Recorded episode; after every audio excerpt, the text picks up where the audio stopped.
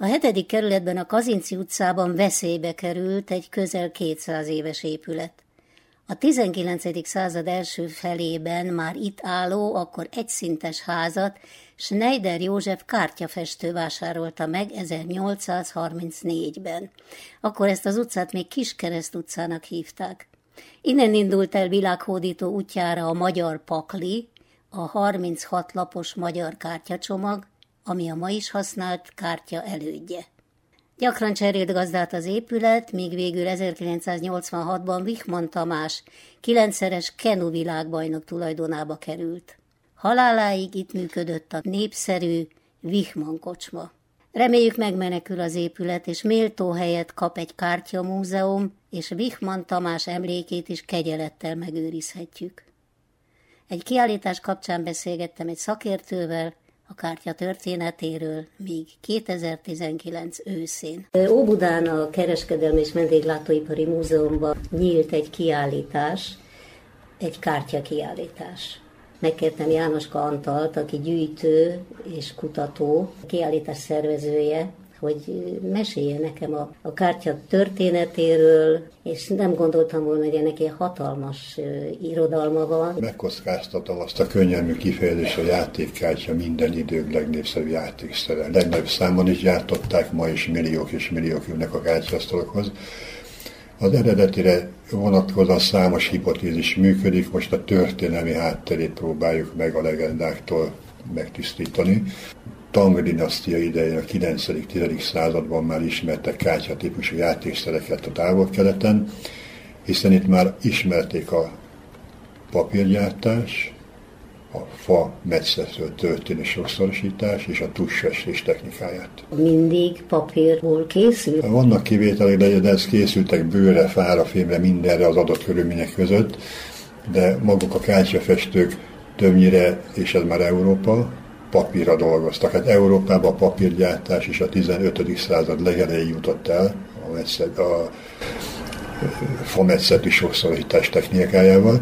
Most innen vált lehető a tömeges gyártás. Nagyon fontos, mert előtte kézzel festett kártyákat készítettek a ügyesebb rajzolók, képíró. Egyházi és világi tilalmakkal találkozunk már az 1300-as évek második felében, amikor név szerint is megnevezik, tiltják a kártyázást. Ez az ördög bibliája, ugye ezt mondják róla. Szentképek festője és a játékkártya készítője ugyanaz személy volt. A Leoni kártyakép, amikor valamikor csak Közép-Franciaországban készítették, ott engedélyezték egy egyalakos kártyaképet, ez valamilyen ismeretlen úton eljutott a Bécsbe. Bécsben ezekkel a mintákkal készítettek kártyát, majd tükörképessé formálták, azaz két szembe fordított azonos rajzolat került. Nálunk is ezt a bécsi képet használták a két világháború között, még bridgesek, visztesek, még a kaszinó világban is ez, ez ment.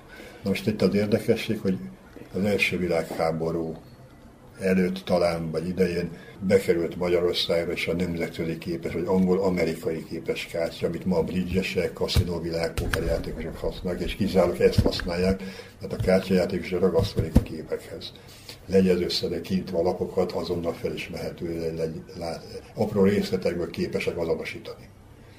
Tehát ezért van a kártyákon index a bal felső, jobb alsó, vagy mind négy sarokban, akár balkezes, vagy jobbkezes játék. Milyen ábrákat használnak? Most be kell különböztetnünk a regionális kártyaképeket különleges kártyáktól. Minden nemzet világszerte, és az legyen Dél-Kelet-Ázsia, legyen Észak-Európa, legyen Dél-Amerika, létrehozta a sajátos jelképrendszer mellett a saját kártyaképét. Ha megnézem Franciaország, Németország, Oroszország, minden, mindig ugyanazt a képet gyártják különböző kártyagyártók. Földrajzi területenként behatárolható valamilyen mértékben például a földközi tenger medencének a népei, spanyolok, portugálok, olaszok, még a Balkán egy része, Észak-Afrika, a latin széjjeli kártyákkal játszik. Tehát nem pik, költre, káros sorozat, hanem a bot, kupa, érem és serleg. Németek stilizálták, állítólag a 14. században, Ebből lett a szív, a piros, a zöld, a mak és a tök. De érdekes a töknek a fordítása, ami valójában a németben csengetyűt jelent,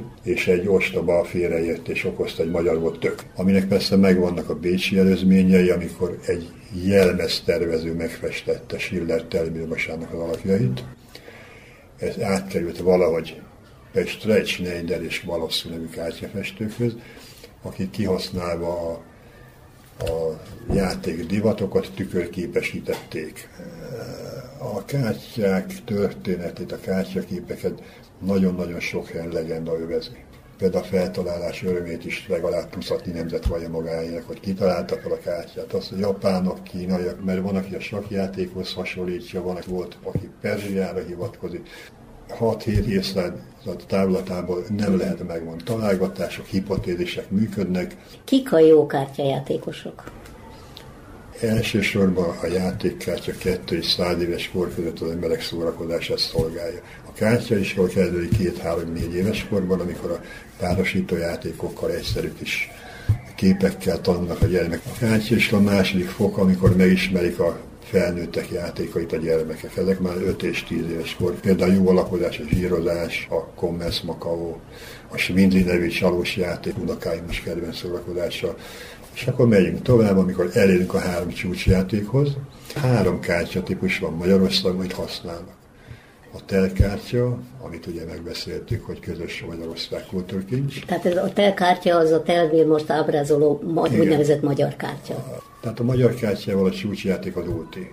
Három ember leül, és hatalmas csatározák közepette eltölti az estét, mindenki jól szórakozik. Jelképes tétekbe játszanak többnyire, ha bár ma már próbálják versenyeztetni játékosokat, ami mennek. Tehát egy közösség, aki azonos szórakozás választott magának, és jól érzik magukat. És a játékhoz való viszony az igazából családi indítatású. A családból származnak általában a játék szeretetei. Akit a nagyszülé megtanítanak kártyázni, az végigmegy a kártyaiskolán, és használja a mai modern technikákat, a is világot, de barátaival szívesen leül, és folytatva az előbbit, hogy francia kártyával a bridge, a csúcsjáték. Francia kártyával a legszellemesebb, legjobban játszhatom, a már szellemi sport a rangjára emelt játék a bridge, ami lehet társasági szinten, versenyszinten, mindenképpen jó szórakozás. És a harmadik, a én kedvencem, az a tarokjáték, ami szintén valahonnan német alföldről indult az 1700-as évek közepén, Magyarországra eljutott, többen magyarázzák, hogy miért Paskievics tarok, a magyarok tarokjátéka.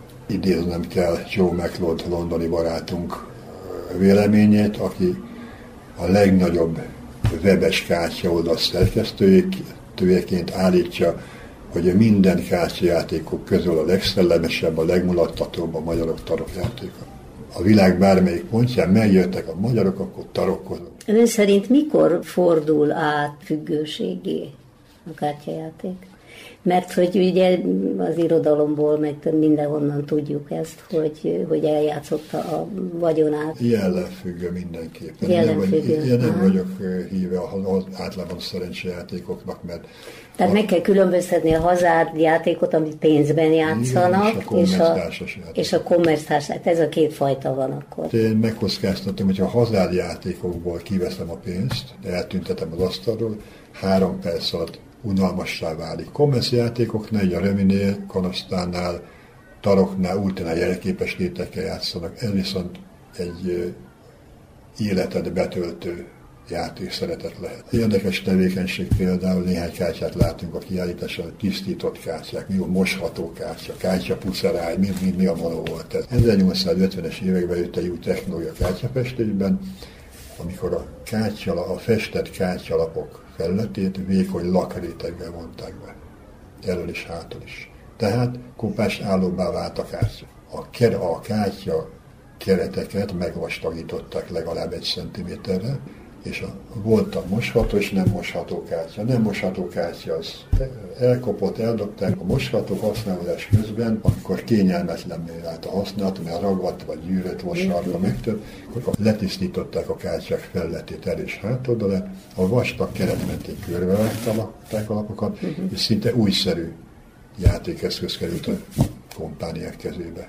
Kávéházak így tudok olyan kávé, hogy öt, egy csomag kártyát ötször hatszor a kártya pucerájba. Kártya kiállítás második szekciójában a Piatik Nándor és fiai legendás históriájával, termékeivel foglalkozunk. Amikor tönkrement az első magyar kártyagyár, Piatnik Nándor és fiai megvásárolta tönkrement széget, Pestre uh-huh. költöztek, új épületet húztak a Rottemeler utcába, és ez volt a Magyarországi Kártyagyártás Központja 50 éven keresztül az államosítás. Budapesten a Kazinci utcában áll, és Neider József kártyafestő műhelyének maradványa.